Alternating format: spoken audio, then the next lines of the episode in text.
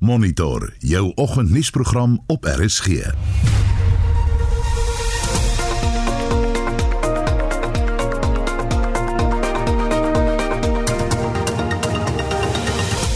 In monitor vanoggend, vletjieblassers vra dat die Zondo-kommissie se aanbevelings oor getuiebeskerming geïmplementeer word.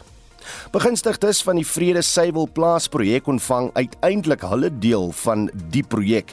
'n Broodnodige opstoot vir toerisme in die tuinroete.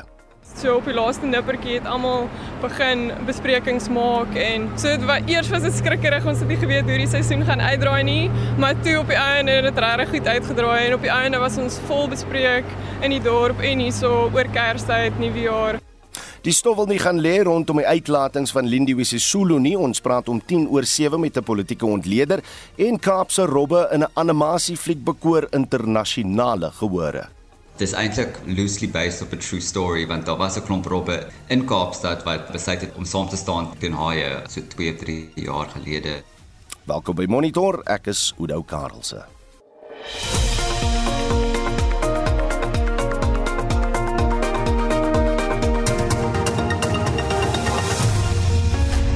13 minute oor 6. Goeiemôre, welkom by Monitor. Kom ons skop dinge af met 'n nuus en sosiale media oorsig. Justin Kennerly staan reg en Justin ek sien skoolverwante nuus half vanoggend se koerante, né? Ja, die matrieks punte dalk in media berig beeld en die Volksblad dit na AfriForum en Marula Media 'n aansoek in die Hooggeregshof ingedien het teen die besluit om nie die uitslae van die matrieks die matriekuitslae te publiseer nie.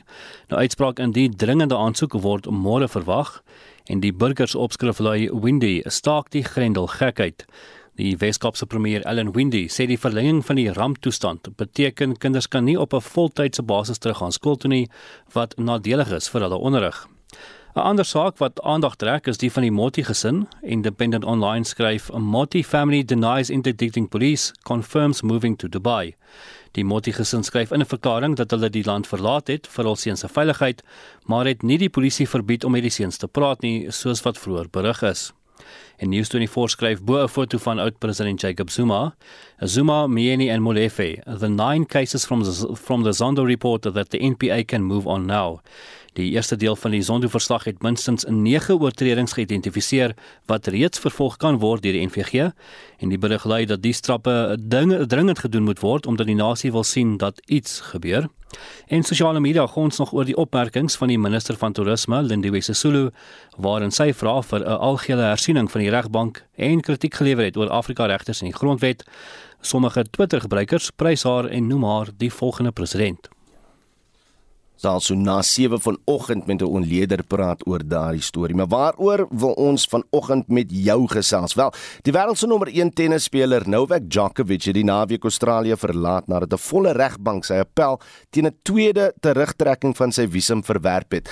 Djokovic sou vandag in die Australiese Ope teen sy landgenoot Miomir Kecmanovic aantree in 'n poging om 'n rekord 21ste Grand Slam te verower. Nou die saak het byna 2 weke gelede begin toe die 34-jarige Djokovic se visum teruggetrek is omdat hy nie ingeënt is nie. 'n Vals verklaring op sy reisdokumente na Australië is volgens die speler glo 'n feit wat deur sy agent gemaak is. En die tennisster se moraliteit word ook wyd op sosiale sosiale media bevraagteken nadat hy nie in isolasie gegaan het nie. Jy het nou in die nuus gehoor toe hy op 16 Desember positief getoets het vir koronavirus. Uh, hy het die volgende dag sonder 'n masker aan kinders pryse uitgedeel en twee dae later ook 'n fotosessie en onderhoud met 'n Frans Amerikaanse publikasie gehad. Nou, sy prokureur het tydens die saak aangevoer dat niemand hom kan bestempel as 'n anti-vaxxer of iemand wat gekant is teen inenting nie, maar die speler is beslis iemand wat glo dat as jy baie goed lewe, as jy baie goed eet, as jy jou, jou geestesgesondheid goed is, dan kan jou liggaam van baie kwale natuurlik herstel. Nou dis nie my woord nie. Gaan Google hom maar gerus, gaan kyk in sy eie woorde wat hy daaroor te sê het. En en, en dis dieselfde persoon wat wat se beginsel was toe hy deur 'n dokter gesê is jy kry eerder 'n operasie op jou arm of jou loopbaan word nou kort gesny. Hy hy's daardie keuse gegee en hy is toe op daai tydstip deur die operasie. So ek wonder tog wat ons vanoggend by julle wil hoor. Uh Djokovic verdien om uit Australië geskop te word Stuur 'n SMS na 45889. Dit gaan jou R1.50 per SMS kos. Deel graag ook jou mening op Facebook of WhatsApp vir ons 'n stemnota na 0765366961. Ek herhaal weer daai nommer 0765366961. 17 minute oor 6 en 12 jaar van gesteelde beloftes aan die regmatige bevoordeeldes van die omstrede Vrede Melkplaas in die Vrystaat is beëindig. Die 65 de, uh, 65 begunstig uh, begunstigdes is amptelik die uh, 51% aandeel van die plaas oorhandig wat byna 280 miljoen rand werd is. Dit nadat geld wat vir die projek begroot is na bewering na 'n Gupta verwante maatskappy gekanaliseer is. Metsi van der Merwe doen verslag.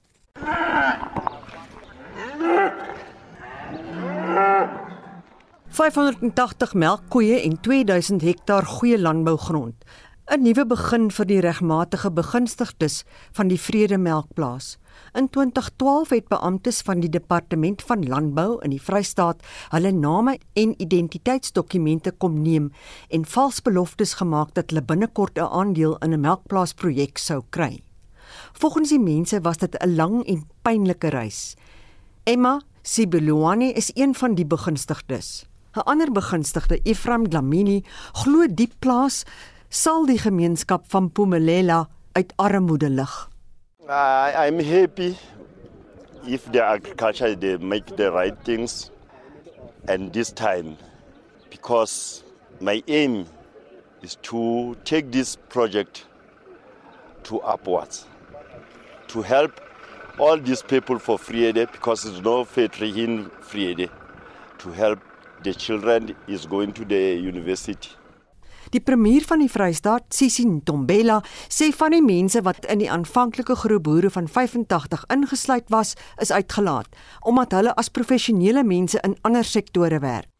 Ntombela sê hulle moes die plaas oorhandig na die openbare beskermer se verslag en 'n Hooggeregshof bevel. Sy sê die oorhandiging geskied ingevolge 'n bevel deur die Vrystaat Hooggeregshof. Die openbare beskermer se ondersoek het bevind dat die hoof van die departement van landbou nie die korrekte prosedures gevolg het om die Vrede Melkplaas te koop nie. Die betalings wat gemaak is, is nie volgens tesourie voorskrifte nie. Die howe verhoor nou 'n strafregtelike saak na die Vrede Melkplaas en ander landbouprojekte wat deel was van die Vrystaat Landbou Departement se banier Mohoma Mobong projek. Ismail Modiba het hierdie verslag saamgestel. Mitsi van der Merwe, SAK-nuus. Whistleblowers for Change sê hulle hoop dat die Zondo-kommissie se verslag nie net nog 'n dokument sal word wat stof vergader nie. Die groepering bestaande uit mense wat by die staatskapingskommissie getuig het, sê hulle wil graag sien dat die staatwaarnemende hoofregter Raymond Zondo se aanbevelings oor die beskerming van vletjieblassers uh implementeer. Hulle glo dat die lewe van Babita Diokaran gespaar kon word indien die staat ernstig was oor getuie beskerming. Mitsi van der Merwe het meer. Vletjieblassers vra vir die fundamentele verandering van die beskermde openbaarmakingswet Dit sluit in voldoende beskerming en dat 'n vletjieblaas liggaam gevorm word. Martha Ngoye het oor die passasiersspooragentskap van Suid-Afrika, PRASA, voor die Zondo-kommissie getuig. The pace is very slow. During his evidence at the State Capture Commission, the state president did allude to the protection of whistleblowers. Since then, what has been done to protect the whistleblowers? Babita Dekaran had to lose her life. We know of witnesses who could not even be named. We have requested that it not just be a talk shop, that something be done. Die vletjieblassers wil ook hê dat die Suid-Afrikaanse wetgewing moet strook met die Verenigde Nasies se konvensie teen korrupsie. Die VN-beleid maak voorsiening vir die fisiese beskerming van sulke persone. Tandeka Gobule Mbeki het oor die by die Zondo-kommissie getuig. The present system offers no inducement to the whistleblower to break cover. We agree that the bona fide whistleblower is actuated by a sense of duty of the highest order. As Justice Zondo explains in part 1 of the Zondo report. We agree with the recommendations for the establishment of an anti corruption agency as proposed in Part 1 of the Zondo report. We further believe that such an agency should be independent and impartial. Onder die vletjieblassers wat gereageer het op die verslag van deel 1 van die kommissie, was die voormalige uitvoerende hoof van Bosasa, Angelo Agrizi, en Bantu Holomisa van die IDM wat inligting oor die openbare beleggingskoöperasie verskaf het. Holomisa het vletjieblassers aangemoedig om voort te gaan met hulle goeie werk, maar gesê hulle moet hulle self nie by die staat skaar nie. What you are doing reminds me of the civil society which played a major role in bringing apartheid to its knees. I'm not implying that uh, you must campaign against the government, but I think you would make a big mistake if you were to allow yourselves to be part of a government institution. Remain independent. Remain vigilant. Bantolo Misa is die leier van die IDM. Horisani Sitole het hierdie verslag saamgestel. Mitsi van der Merwe, SAK-nuus. 23 minute oor 6. Die Suid-Afrikaanse Mediese Navorsingsraad sê hy sal van dese week 'n tegniese werkgroep byeenroep om 'n moontlike skuif na normale skoolopleiding te bespreek, pleks van die rotasiestelsel wat tans in praktyk is. Die raad se aanbev sê aanbevelings oor besonderhede soos die spasiering van leerdlinge sal met die onderwysdepartement gedeel word. Leerdlinge in binnelandse provinsies het Woensdag teruggekeer skool toe terwyl die in kunsgebiede oor môre weer klas toe gaan. Vincent Mofokeng doen verslag. Klasse by skole waar leerders die akademiese jaar begin het, word op 'n rotasiebasis voortgesit in 'n poging om die verspreiding van COVID-19 te bekamp. Sommige ouers en vakbonde doen egter 'n beroep op skole om met onmiddellike effek na normale klasse terug te keer. Die bedryfshoof van die Suid-Afrikaanse Mediese Navorsingsraad, Glenda Gray, sê gesprekke sal in die volgende paar dae begin om aan oplossings te werk. There is a technical working group run by Professor Steve Valapi that's been convened in the next two or three days to help the Department of Basic Education address some of the issues around uh, spacing and how to optimize the academic year for schools. So that there'll be some recommendations made to the minister and for their consideration as well in the next week or so. Tydens 'n virtuele media inligtingsessie oor die regering se pogings in die stryd teen COVID-19 het Dr. Joe Phaahla, die minister van gesondheid, aangekondig dat Gauteng amptelik verby die 4de golf van die koronaviruspandemie is. Gauteng province has officially exited the fourth wave in terms of the technical definition of a wave. Gauteng, we can now say officially that Gauteng has technically exited the fourth wave this week. And all other provinces have reached their peaks. All eight provinces have reached their peaks and are now on a decline. Of note is the fact that the decline in new infections is not a steep decline as was the incline. So this virus rises steeply, but when it goes down, it goes down slowly. But at least it's going down, and this is encouraging. Die minister het egter met kommer opgemerk dat die land se COVID-19 inentingssyfers oor die feesseisoen verlangsaam het. Hy het gewaarsku dat ondanks 'n aansienlike afname in COVID-19 verwante sterftes regoor Suid-Afrika, die Omicron variant hoogs oordraagbaar bly. We must emphasize that the fourth wave is showing unequivocally the protection of vaccination against severe illness and death. As we reported on the 17th of December, all provinces took steps to improve access with mobile and pop up sites at places such as toll gates, roadblocks, and shopping malls, and even in the beachfronts of Durban. The uptake of these opportunities were not as big as we had hoped, as people focused on their festivities and their leisure. After a near total lull between Christmas and New Year, the vaccination rate has picked up slightly, but is still below 100,000 doses per day. Hy het verder gesê dat daar voldoende COVID-19-enstowwe in die land is om elke burger te laat inent. Patla sê die departement gaan ook sy openbare veldtog verskerp om alle Suid-Afrikaners aan te moedig om ingeënt te word. Thanks to our collaboration with the private sector and the Solidarity Fund, we have sufficient capacity to provide vaccinations to all adult South African citizens. They just need to present themselves and they will get their jab.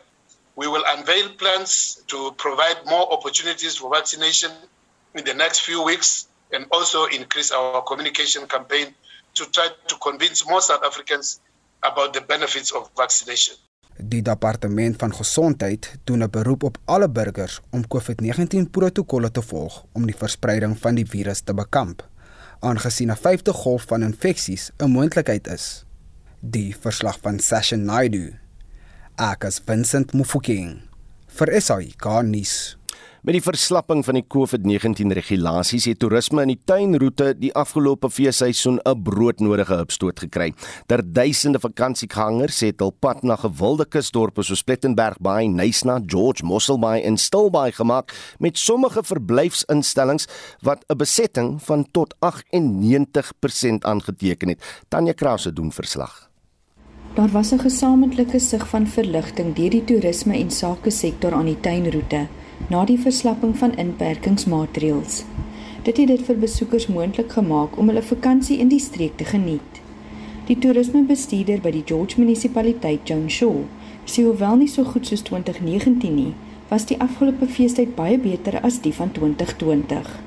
So ons het bietjie geskrik toe die regulasies eers uitgekom het want mense het begin kanselleer en gedink dit gaan dieselfde wees as laas jaar dat hulle nie 'n goeie vakansie kan hou nie. Maar toe dit wel gelees is en almal het besef dit gaan beter gaan, het hulle vinnig begin bespreek.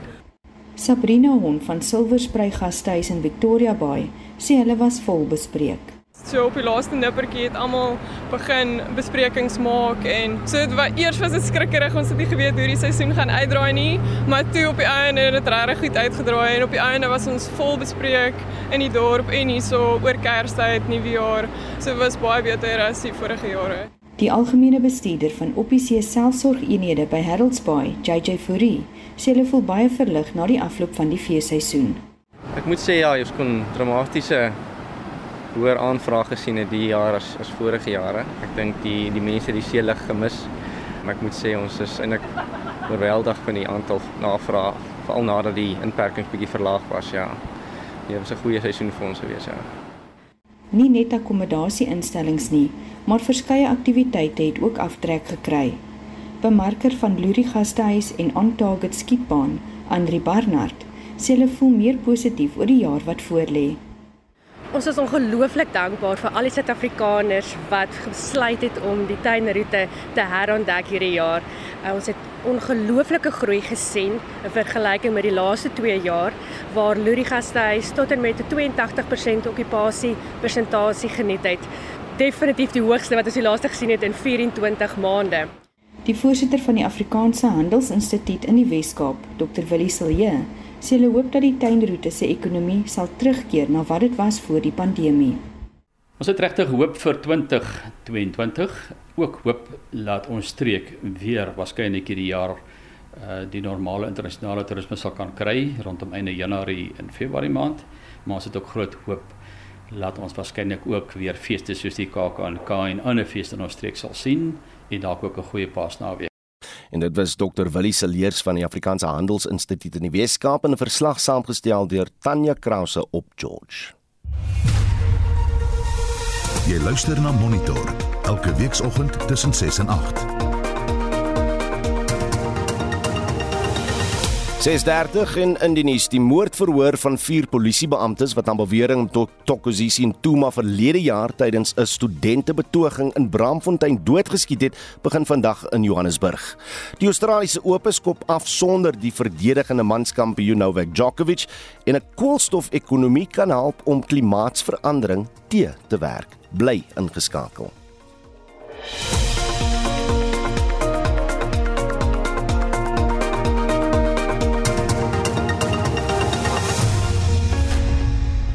Presies 4 wat dit? is 26 minute jammer voor 7 welkom hier by Monitor. Estie de Klerk sluit nou by ons aan. Estie uh, is daar enige goeie terugvoer oor Novak Djokovic Oudou daar's gemengde reaksie. Elisa Stolsie sê as die vereiste is dat jy ingeënt moet wees, dan moet jy by die reëls hou ongeag wie jy is. Dit sou onregverdig wees teenoor ander spelers so Novak Djokovic verdien om nie toegelaat te word by die Australiese Ope nie. En uit die Loupshire skryf ongelukkig ja, daar kan net eenvoudig nie verskeie stelle reëls wees vir toegang tot 'n land nie en hy is veronderstel om van beter te weet. Die voorbeeld wat hy vir jong kinders stel wat eendag soos hy wil wees is sekerlik nie om reëls te breek nie. Elsa van Staden Joubert laat weet nee, hierdie inenting wat op almal afgeforceer word is totaal onaanvaarbaar wat is besig om met die wêreld te gebeur? Het mense dan nou geen meer sê oor hulle eie lewens nie? En Hester Weyer sê dit het niks met sy teeninenting standpunt te doen nie. Nie um, te doen nie, maar reëls is reëls. Wette is wette en geld vir almal. Hy is die wêreld se nommer 1 speler, maar sy arrogansie het hom duur te staan gekom. En Leroux Bessinger skryf vir ons: Novak het gedink hy kon die stelsel toets en het homself toe met 'n plank geslaan. Hy het presies geweet wat die vereistes is. Karel Johan de Bruin laat weet: Ja, reëls is reëls. Hy moet as sportman 'n voorbeeld stel. Ons praat vanoggend oor die wêreld se nommer 1 tennisspeler in Novak Djokovic wat die naweek Australië verlaat het nadat 'n volbank regter sy appel teen 'n tweede terugtrekking van sy visum verwerp het. En die saak het byna 2 weke gelede begin toe die 34-jarige Novak Djokovic se visum teruggetrek is omdat hy nie ingeënt is nie en soos ons weet die Australiese Ope begin vandag en ons wil vanoggend by jou weet het Djokovic verdien om uit Australië geskop te word. Stuur vir ons 'n SMS na 45889 teen R1.50 per SMS of deel jou mening op ons Monitor en Spectrum Facebookblad of WhatsApp vir ons stemnota na 076 536 6961. Gestiana, die toernooi gaan sonder hom tans aan. 'n Brand is Vrydag aand in die Matroosberg gebode Dorings deur 'n weerligstraal veroorsaak. Vir die jongste praat ons nou met die woordvoerder van die Kaapse Wynland Distrik Munisipaliteit, Joanne Otto. Joanne, môre welkom by Monitor. Goeiemôre Udo, goeiemôre luisteraars. Goeiemôre môre. Ek seker Joanne, jy jy het nou al met mense gepraat wat die weerligstraal gesien het. Hoe hoe het mense dit aan jou beskryf? Wel weet jy dit is baie keer so hoog op in die berg dat dit nie eintlik opgelet word nie. So al wat ons um, toe verneem het is dat daar wel 'n brand ontstaan het en dit is as gevolg van weerlig. Hmm. So ja, dit is um, dit is hoe dit maar gebeur, skielik skielik. Ek, ek verstaan die brand is nou wel geblus. Wat ons net so deur hoe jy dit reg gekry het. Goed, so die brand is teen 6uur gisteraand um, geblus of ingekamp. Ons noem dit eintlik ingekamp Oudo. Hmm. Ons grondspanne het um deernag op die toneel gebly. Nou, uh hulle is eintlik nou besig om met al hulle toerusting die 3 km uit die berg te stap um tot by die ontmoetingspunt. En um die rede daarvoor is dat ons eintlik 'n brand eers as geblus beskou na 24 uur van geen brandaktiwiteite nie. So nie 'n rookie nie, nie 'n opvlamming nie. En natuurlik deur die loop van vandag sal die monitorings um, proses um, aangaan. Ons verwag weer 'n warm dag. So ons maak net seker ons braaiers daar buite sal weet dat 'n 'n ligte briesie of 'n konstante briesie um vlam maar daai koeltjies en dit is maar dieselfde in enige groot brand vir alle veldbrand net wanneer jy dink jy het wel iets alles, alles geblus. Hmm. Alles is koud, dan kom daar briesie en hy fan weer alles weer aan die gang. Jan praat 'n bietjie saam met ons oor die skade wat berokken is en ook uh, watter spanne het, het almal hulp blus. Aan wie kan ons lof toeswaai hier? Natuurlik aan ons eie span, die Kaapse Wynland Distrik Munisipaliteit se brandweerspanne, maar eintlik enige brand, uh, vir alle veldbrand is um, maar 'n spanpoging. En dit is omdat daar baie mense is wat betrokke is. Dit het hang af wie die bewaarder is van die grond of die eienaar grond. So hierdie spesifieke brand was dit natuurlik die KWDM se brand brandbestrydingspanne. Dan was daar ook Cape Nature omdat dit 'n Matroosberg reserve is en dan die Fire Protection Association of die FPA wat ons hulle noem. En dit is omdat daar plaas eiendom of private eiendom is en hulle is die agentskap wat daarvoor sorg. En dan het ons natuurlik ons unsung heroes, die Volunteer Wildfire Services en dan my persoonlike gunsteling, die grondspanne. Um in hierdie geval was dit NCC en Stem in die Bos en hulle het um hulle is die spanne wat uitgekontrakteer word deur ons of gekontrakteer word om te help. En dit hmm. is die voete op die grond. En weet jy luisteraars, dit is die mense wat letterlik gaan plak. Hulle gaan se maak seker elke koeltjie is dood. Hulle werk ongelooflike lang ure. Hierdie spanne is um gisteroggend ingetroep deur helikopters um na die boonste areas toe want 'n 'n 'n brand beweeg natuurlik op teen 'n berg en um daar was groot gevare dat dit wel oor die piek na die Matroosberg reserve en na Ceres se kant toe sal gaan. So ontspan het maar hard gesoek in verskriklike omstandighede um om al daai om al daai brandlyne en al die opvlammings dadelik te te te, te werk. Joanne, komende naweek word uitermate warm temperature van bo 40 grade Celsius oor groot dele van die Weskaap voorspel. Verhoog die toestande die brandgevaar? Absoluut. Um in fact ons is ons is baie bekommerd oor hierdie naweek wat voorlê, maar ek wil ook vir ons luisteraars sê um die dit dit is 'n kombinasie van goedjies. Dit is die warm, droë grond, natuurlik die grondbak. Die plante het min water, so hulle is 'n bietjie meer droog. Um en dan so, so enige klein vonkie kan as hy net op die regte plek regte plek land, hmm.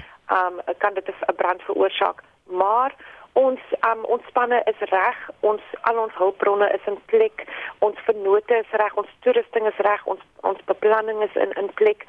Maar ons wil die beste van alles sal wees as daar geen brande is volgende naweek nie. En vir hierdie komende warm naweek wil ons asseblief vir mense vra moet asseblief nie vure maak al is dit in aangewyse piknikareas. Pak maar die waterlemoen, pak 'n koue hoendertjie in 'n koelerboksie, maar asseblief geen um geen brande al is dit in 'n aangewyse plek. Ehm um, toe ek gisteraand met ons ehm um, brandweer uh, chief daar in die area praat, dis hy vir my sê sommer vir mense Joanne geen geen braaie hierdie naweek. So ons wil eintlik sê maar moet asseblief net nie 'n brand maak nie. Dan die baie belangrike tweede ding landeienaars moet verseker dat hulle brandbane skoon is en dat alle vlambare materiale om die grense van hulle van hulle um, eiendom skoon gemaak is. Gebruik maar hierdie week om seker te maak dat jy brandveilig is. En dan natuurlik vir daai mense wat daarvan hou om voet voet te slaan, al is dit hoe warm met die voetslaaners of die kampers, laat weet vir mense waar jy gaan kamp wanneer hulle julle kan terugverwag. En weet jy, dit is vir 'n baie goeie rede. Dit is sodat indien daar 'n veldbrand is, ons weet dat julle daar is en ons die regte nooddienste kan um, kan inkry om te help sodat julle nie in die moeilikheid kom nie. Absoluut. En dan dan ekskuus Udo, ja? Laastens, nee nee, kan voort. Laastens rapporteer dadelik 'n veld of eintlik enige tipe brand, maar vir ons is dit nou maar die veldbrande en ons vra sodra dit opgemerk word, rapporteer dit. Hier in die Kaapse Wynland vra ons 021 888 dit is 888 7 446 En dan natuurlik baie groot oor mense dink as hulle die bel die die, die brand aanmeld, sal hulle verantwoordelik gehou daar word finansiëel. Dit werk glad nie so nie. Jy kan dit om 'n brand aan te meld kos jou niks behalwe jou telefoonoproep nie en jy gaan baie baie tyd vir ons bespaar as ons dadelik weet van 'n brand. Nou, dankie vir die waarskuwing, dankie vir die raad eh, en natuurlik Joanne Otto is die woordvoerder van die Kaapse Wynland Distriks Munisipaliteit. 17 minute voor 7. Die Wêreldekonomiese Forum se risikoverslag wat op die 11de Januarie vanjaar vrygestel is, toon dat klimaatsverandering en die gevolglike ekologiese agteruitgang van natuurlike habitatte 'n reuse bedreiging vir die Afrika-ekonomie inhou. 'n Beroep is gedoen om die mensgemaakte skade wat aangerig is weens droog droogte, oorstromings, erosie en die oorbeweiding van grond teen te werk. 'n Grondeienaar in Babiaanskloof, Pieter Kreer, wys sy lewe aan die herstel van die natuurlike ekosisteem op sy plaas Zandvlakte. Hy het 12 jaar terug begin om die spekboom bioom op sy plaas te herstel en het sedertdien sowat 4 miljoen nuwe plante op die plaas geplant. Tydens 'n besoek aan die streek het hy vir Marlonay Versheg gaan wys waarmee hulle daagliks besig is. In die laat 80e jare is ons deur 'n kwai droogte tyd toe die watervoorraad vir my plaas opgedroog. Dit is die eerste keer in die geskiedenis wat so iets gebeur. Want oor 'n tydperk van 200 jaar van boerdery is die area gestroop van vegetasie. Dit het 'n invloed gehad op die vermoë van die grond om water te herlaai. Al kry ons reën, die water loop weg. Koolstof is eintlik die spons van die aarde. Jy het plante groei nodig om daai koolstofvoorraad te bou en dit het my nou maar gebring na waar mens besef jy moet iets doen om die omgewing te red. Julle het nou 4 miljoen spekbome geplant. Kan oom sien dat daar 'n verskil is? sien daai berg op die regterkant van daai draadeining. Ja, daar's baie minder plante groei. Kyk hoe lyk dit daar op die oorkant waar ons geplant het. Dit is al grasgroen. Hy beskryf spekbome as 'n ankerspesie in die stuk veld wat herstel word. Hulle groei slegs op die hange wat noord kyk en is inheems aan die gebied. Hy het byvoorbeeld nie sonlig nodig om te fotosinteer nie. Hy kan energie in sy blare stoor en dan snags as dit koel is dan fotosinteer hy. Hy verloor nie vog deur sy blare nie. Sy huidmondjies bly toe as dit warm is. Ons sit eintlik met 'n tool wat ons kan gebruik om landskappe wat soos hierdie gedegradeer is reg te maak. Hierdie is een biom, hierdie noordelike hange.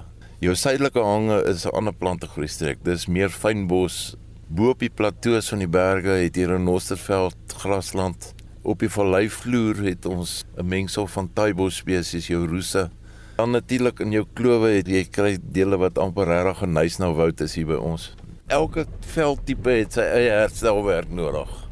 In 2008 het hy saam met rolspelers uit verskeie oorde begin om die grond op sy plaas te herstel tot 2016 spekbome te plant van steggies uit die omgewing. Op my plaas het ons nou omtrent al die beskikbare grond wat moes herstel word, het ons plaas herstel. Ons praat van om by 1000 hektaar.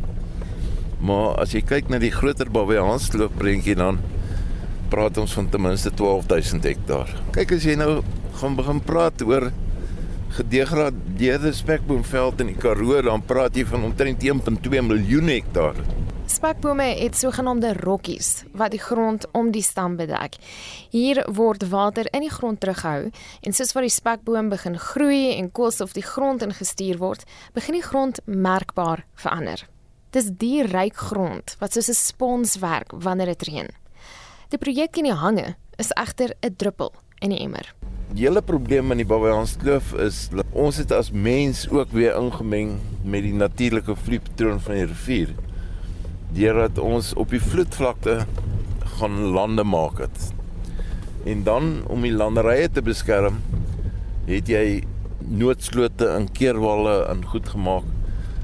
Maar in die proses het mense die rivier gekanaliseer. En dit lei tot versnelde afloop. Ons kan dit eintlik vergelyk met 'n omgekrapte maag. Alles wat inkom, vloei net uit. En so dehydreer jou area. Dit het gebeur dat die Kougadam in 2011 van 32% af tot 100% gevol geloop het in 'n week. En toe loop die water vir 4 maande oor die damwalsee toe. Dis die ekologiese reserve. Se water wat see toe geloop het. Daai water moes hier gebly het. Dan het ons nie nou 'n droogte gehad nie, want hierdie stelsel nog steeds uit dam gevoed. En die proses word ook op die plaas teëgewerk. Ons maak klein dammetjies. Ons sit hier met afloop gedurende reënbuie en dan vang hierdie dammetjies elkeen vang so 50 of 80 liter water. En dan saai ons grassaad binne in om plante groei te hervestig. Ons het befondsing gekry by Coke African Foundation en dit was maar deel van hulle social responsibility program op hulle eie watervoetspoor wat hulle het. Ons moes 99 miljoen liter water opvang op hierdie manier. Toe kom die eendag 'n wetenskaplike te sê vir ons, "Maar wat gaan julle doen as hierdie dammetjies toesluk?" Gelukkig het ons 'n baie slim ou in ons geleedere gehad en hy sê toe vir ons, "Oké. Okay, kom ons pak hierdie ding toe met doringtakke. Kom ons verhoog die koolstofinhoud van hierdie dammetjies. Maar as ons dit met 1% kan verhoog, dan kan ons 200 000 liter water stoor net met ons koolstofvoorraad. Nou ons het nou eendag 51 mm reën gehad. Dis omtrent 500 000 liter water per hektaar. Maar 'n herstelproses soos die is nie 'n goedkoop uitstapie nie. Op hierdie plaas kan ek vir sê het ons omtrent 14 miljoen ingeploeg in die vorm van herstelwerk. Ja, dis nou waar die koolstofmark baie kan help, waar jy jou projekte kan beskryf en op die mark plaas en kyk wat die ouens bereid is om te belê daarin. Volgens Kreer is die mark vinnig besig om uit te brei en kan dit dien as insentief vir boere om te begin boer met koolstof. Daar's nuwe beleidsrigtinge wat regerings wêreldwyd inneem. So jy het fabrieke wat koolstof in die atmosfeer vrylaat en hulle kan dan hulle voetspoor kleiner maak deur krediete aan te koop of hulle met belastings betaal. Aan die ander woorde as ek 100 ton koolstof met my bome uit die atmosfeer uit kan uithaal dan maal ek dit met die waarde van die koolstofprys op daai stadium. Dit is jy werk amper soos jy aandelebeurs. En hulle voorspel dat dit nogal 'n groot mark gaan word binnekort. Wel, hy groei ongelooflik vinnig. Hy was maar 6 dollar per ton. Ek dink hy trek nou al daar by 32 dollar per ton. En baie ons reken hy gaan 2025 gaan hy opgaan na 100 dollar per ton. Toe. Dis nou volgens navorsing wat gedoen is dat spekboomwoude, soos wat ons dit nou geplant het, tot 4.5 ton koolstof per jaar uit die atmosfeer kan uithaal. Nou hoe bepaal 'n mens hoeveel koolstof haal hulle uit die lug uit? Jy sê jy moes metings gedoen het, hoe ja, werk dit? Ja, kyk, voor ons begin plant het, is ons hulle noem dit basislyn studies gedoen waar hulle fisies kyk na die koolstofinhoud van die grond. Hulle doen 'n biomassa bepaling sowel as die wortelmassa. En dan na mate jou woude groei en jou plante word groter, dan kan jy 'n soortgelyke ding doen. By my op die plaas was die koolstofinhoud 0.3%. Normaalweg kan hy opgaan na 3% toe. Om die koolstofvoorraad in jou grond met 1% te verhoog, het jy 80 ton organiese materiaal nodig per hektaar. Op sy plaas sal dit om so wat 40 jaar neem om die hoeveelheid koolstof terug te sit in die grond, maar meer is baie makliker vir saai boere. Hulle los al die oesreste as 'n skild bo op die grond. En dan onder dit ontwikkel jou voedingsweb wat op die ouend daai goed omskep in voedingsstowwe.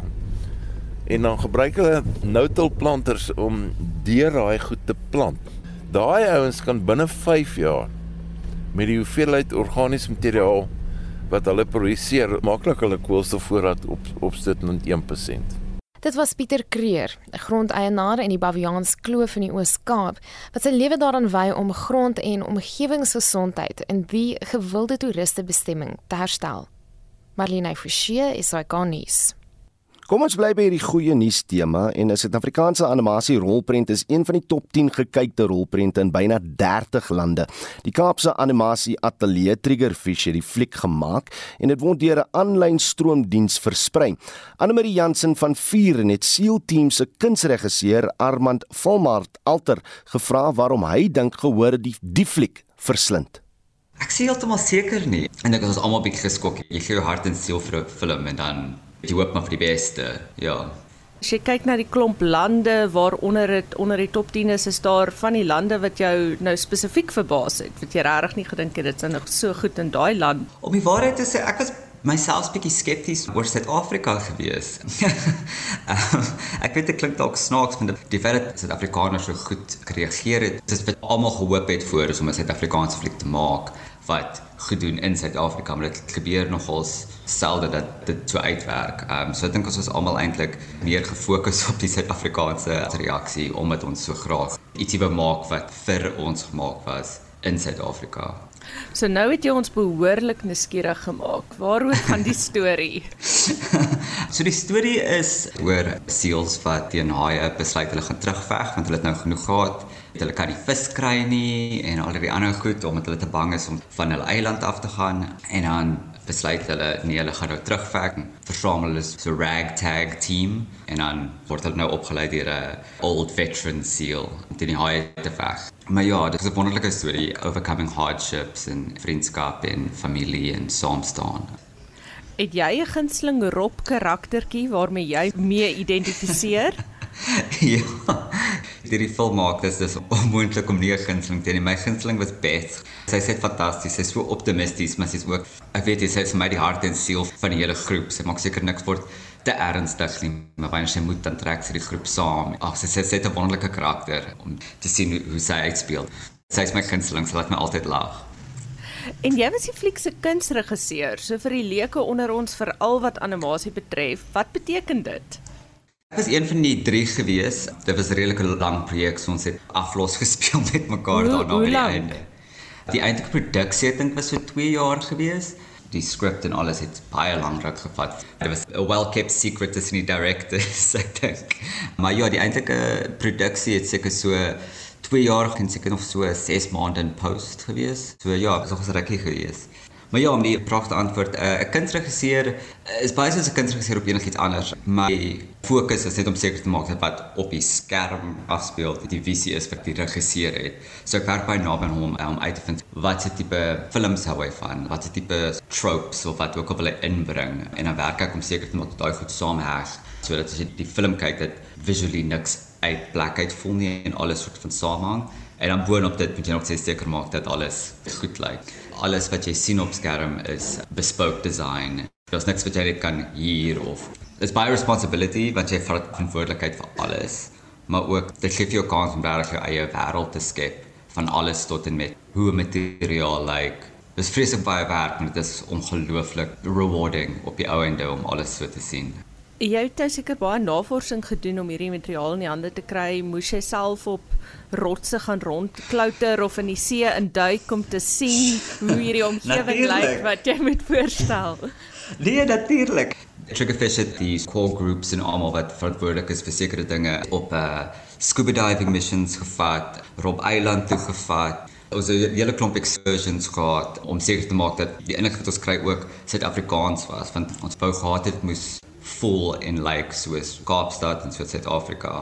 En eintlik om die waarheid te sê, dink ek het geet om dit nou nou te mention met die skrip, maar dis eintlik loosely based op a true story want daar was 'n klomp robbe in Kaapstad wat besluit het om saam te staan teen haie so 2 of 3 jaar gelede. So dit was nogal snaaks geweest dat ons 'n fliek daaroor gemaak het en toe eweskielik het robbe maar besluit hulle gaan dieselfde doen.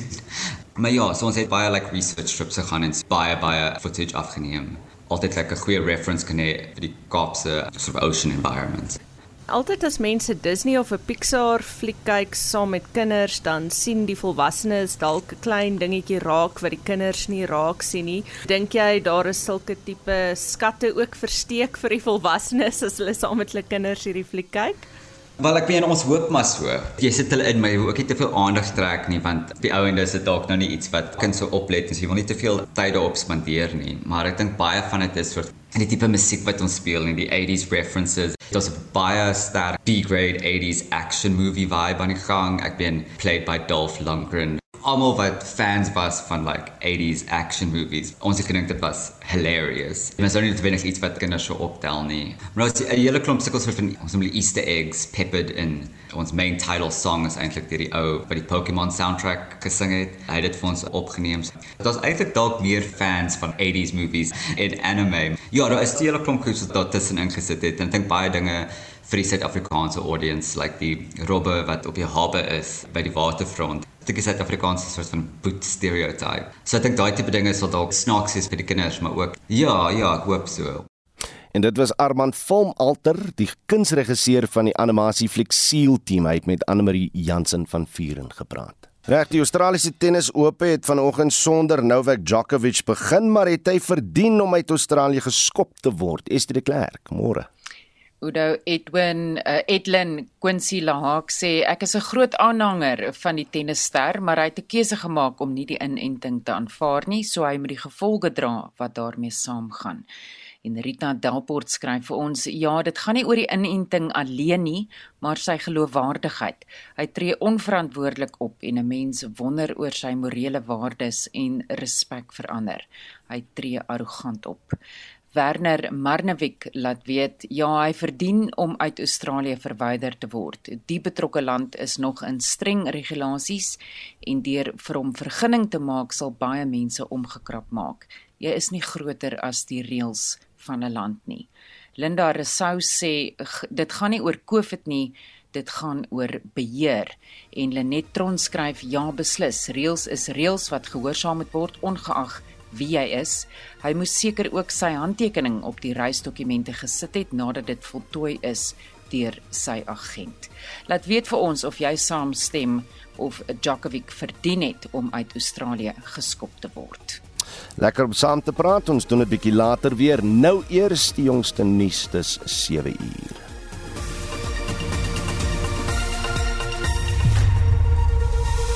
SAK nuus. Onafhanklik, onpartydig.